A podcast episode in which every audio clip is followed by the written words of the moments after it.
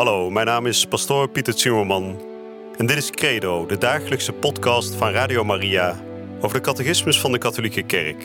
Samen dringen we elke dag een beetje dieper door in het prachtige plan van liefde dat God met elk van ons heeft. Laat je inspireren en ga met ons mee op deze avontuurlijke reis door het geloof.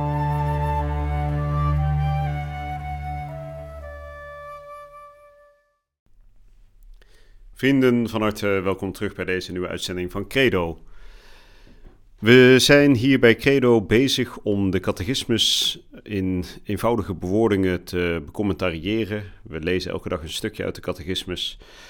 En we zijn inmiddels aanbeland bij het geloofsartikel dat gaat over de dood van Jezus Christus aan het kruis.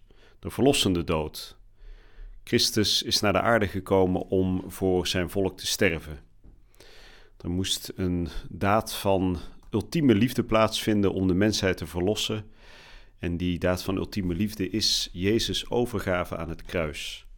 Jezus wordt gekruisigd omdat hij vrijwillig instemt met het plan van zijn Vader. En we gaan daar vandaag nog wat meer over spreken. We gaan vandaag horen dat in dat hele goddelijke helsplan God zelf altijd het initiatief neemt. Natuurlijk moeten wij instemmen met dat initiatief, met dat eerste woord van God, maar het begin ligt altijd bij Hem. En daar gaan we vandaag over spreken, want dat geldt namelijk ook voor die kruisdood. Nou, we gaan vandaag lezen de nummers 604 tot en met 611. Maar voordat we daarmee beginnen, zullen we weer zoals gebruikelijk openen met gebed. In de naam van de Vader en de Zoon en de Heilige Geest. Amen. Vader in de hemel, uw Zoon Jezus Christus heeft tijdens zijn openbare leven vele wonderen verricht. Maar er was geen wonder zo groot als het wonder van zijn kruisdood en verrijzenis. In dat wonder worden alle wonderen samengepakt. En alle wonderen die Christus deed, verwijzen uiteindelijk naar dat grote wonder. Jezus zegt dan ook met regelmaat: Als je mij niet gelooft om de woorden die ik spreek, geloof me dan om de daden die ik verricht. Laat dat ook in ons eigen leven waar zijn, Heer God. Dat we door het grote wonder van de kruisdood en de verrijzenis ook alle woorden van Jezus mogen geloven. Dat we mogen geloven dat Hij werkelijk de weg, de waarheid en het leven is, de enige weg die werkelijk voert naar U. Leid ons op deze weg, Heilige Vader, en laat ons op een goede dag thuiskomen bij U in de hemel. Amen. De nummers 604 tot en met 611. God neemt het initiatief bij de universele verlossende liefde. Door zijn zoon voor onze zonde over te leveren, laat God zien dat zijn raadsbesluit aangaande ons een raadsbesluit van welwillende liefde is, die voorafgaat aan iedere verdienste van onze kant. Hierin bestaat de liefde niet wij hebben God lief gehad, maar Hij heeft ons lief gehad. En Hij heeft Zijn Zoon gezonden om door het offer van Zijn leven onze zonde uit te wissen. God bewijst echter Zijn liefde voor ons juist hierdoor, dat Christus voor ons is gestorven, toen wij nog zondaars waren. Aan deze liefde die niemand uitsluit, heeft Jezus herinnerd aan het einde van de parabel van het verloren schaap. Zo ook wil uw hemelse Vader niet dat een van deze kleine verloren gaat. En bevestigt hiermee zijn leven te geven als losprijs voor velen. Deze laatste uitdrukking houdt geen beperking in. Zij stelt het geheel van de mensheid tegenover de unieke persoon van de Verlosser, die zich overlevert om haar te redden.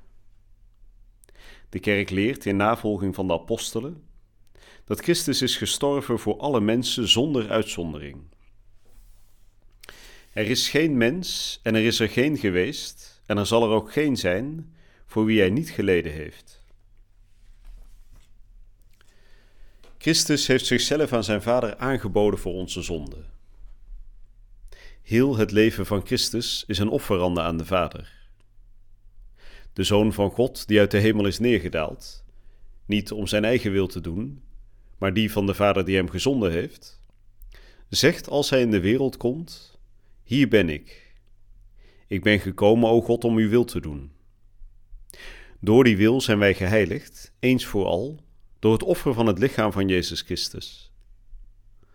Vanaf het eerste ogenblik van zijn menswording verenigt hij zichzelf geheel met Gods helsplan in zijn verlossende zending. Mijn spijs is de wil te doen van Hem die mij gezonden heeft en zijn werk te volbrengen. Het offer van Jezus voor de zonde van de hele wereld is de uitdrukking van Zijn liefdesgemeenschap met de Vader. Hierom heeft de Vader mij lief, omdat ik mijn leven geef. De wereld moet weten dat ik de Vader lief heb en dat ik handel zoals Hij mij bevolen heeft. Dit verlangen zich geheel en al te wijden aan het helsplan van de verlossende liefde van zijn Vader, bezielt heel het leven van Jezus. Want zijn verlossend lijden is de bestaansgrond van zijn menswording. Vader, red mij uit dit uur. Maar daarom juist ben ik tot dit uur gekomen. Zou ik de beker die mijn Vader mij gegeven heeft niet drinken? En nog op het kruis zegt Jezus, voordat alles volbracht is, ik heb dorst.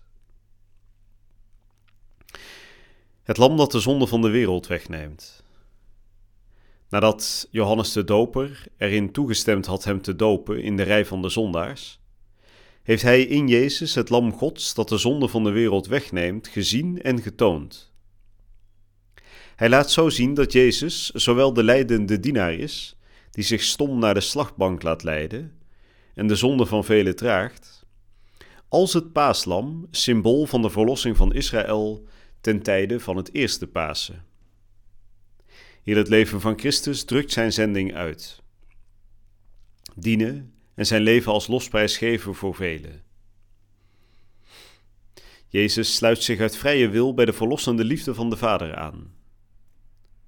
Door zich in zijn menselijk hart aan te sluiten bij de liefde van de Vader voor de mensen, heeft Jezus hen tot het uiterste toe bemind. Want geen grotere liefde kan iemand hebben dan deze, dat hij zijn leven geeft voor zijn vrienden. Zo is in het lijden en de dood zijn mensheid het vrije en volmaakte instrument geworden van zijn goddelijke liefde, die het hel van de mensen wil. Hij heeft immers vrijwillig zijn lijden en zijn dood op zich genomen uit liefde voor zijn vader en voor de mensen die de, de vader wil redden. Niemand neemt mij mijn leven af, maar ik geef het uit mezelf. Vandaar de soevereine vrijheid van de Zoon van God wanneer hij zelf de dood ingaat. Bij het laatste avondmaal is Jezus vooruitgelopen op het vrijwillig offer van zijn leven. Jezus heeft op sublieme wijze het vrijwillig offer van zichzelf tot uitdrukking gebracht in de maaltijd die hij met de twaalf apostelen gehouden heeft, in de nacht waarin hij werd overgeleverd.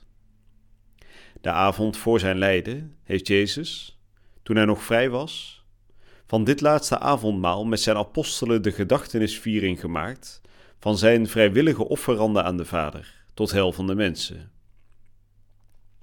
Dit is mijn lichaam dat voor u gegeven wordt.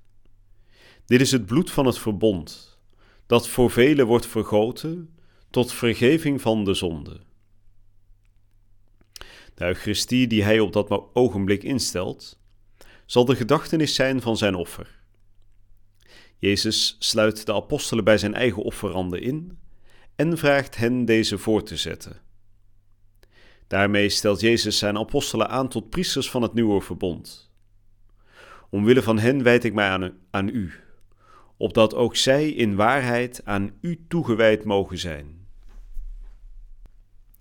Dat waren de nummers 604 tot en met 611. En we hebben gehoord dat God het initiatief neemt van onze redding. Daar begon de catechismus vandaag mee. En dat betekent dat het initiatief van de Vader ertoe leidt dat zijn zoon naar de aarde wordt gezonden. Zijn zoon is uit de hemel neergedaald, niet om zijn eigen wil te doen, maar om de wil te doen van zijn Vader die hem gezonden heeft. En wat is die wil van de Vader, waar Jezus dus volledig mee instemt? Dat is het redden van heel de mensheid, het offeren van de zoon. Dat neemt niet weg dat niet heel de mensheid gered wordt natuurlijk, want niet iedereen aanvaardt dat offer van Jezus Christus, maar hij is gestorven voor iedereen. Dus er is niemand voor wie Jezus niet gestorven is. En we hebben net gehoord dat Jezus, die zichzelf als offer schenkt aan het kruis, dat hij het lam is, het paaslam, dat al bij de oude Joden, nog voor de komst van Jezus Christus, werd geslacht met Pasen. Hè, om te herdenken dat het Joodse volk was verlost uit de slavernij van Egypte. Die nacht dat ze werden verlost, werd er natuurlijk een lam geslacht. En het bloed van dat lam werd op de deurposten van alle Joden gesmeerd. En alle Joden die dat hadden, die uh, bleven gespaard voor de dood. Nou, hetzelfde gebeurt op het moment dat Jezus Christus zijn bloed offert, schenkt aan het kruis. daarmee redt hij de mensen. Dus iedereen die gered wil worden, is in feite in staat om de redding van Christus te ontvangen. Nou, we zien die redding van Jezus Christus, dat offer, wordt op een hele mooie manier voorafgebeeld in het laatste avondmaal dat Jezus viert met zijn leerlingen. Dat laatste avondmaal, wat wij doorheen de geschiedenis zijn gaan vieren als de heilige mis. In dat laatste avondmaal staat dat offer van Christus centraal. Het moment dat hij zijn leven schenkt, zijn lichaam geeft en zijn bloed geeft en zijn leerlingen, de eerste apostelen, toewijdt in waarheid aan de Vader. Daarmee wijdt hij de eerste leerlingen, de eerste apostelen tot priester. Nou, dan wil ik het voor vandaag bij laten. In de volgende uitzending gaan we weer hierop door. En dan zullen we op het beslissende moment aankomen, namelijk de dood van Jezus zelf. Dit was allemaal nog de voorbereiding op zijn dood. En in de volgende uitzending gaan we het ook echt spreken over Gethsemane, zijn angst en vervolgens zijn sterven. Ik wens u een hele goede en gezegende dag toe. Je luisterde naar Credo, de dagelijkse podcast van Radio Maria over de catechismus van de Katholieke Kerk. Credo is iedere werkdag te beluisteren op Radio Maria. Maar je kunt de afleveringen ook in je eigen tempo terugluisteren op onze website, in de app of op Spotify en de andere platforms. Via de website radiomaria.nl vind je dagelijks de link om de bijbehorende teksten uit de catechismus mee of terug te lezen. We zijn erg dankbaar voor alle giften die wij mogen ontvangen. Daardoor kunnen we ons goede werk blijven doen. Draag je ook bij aan deze missie?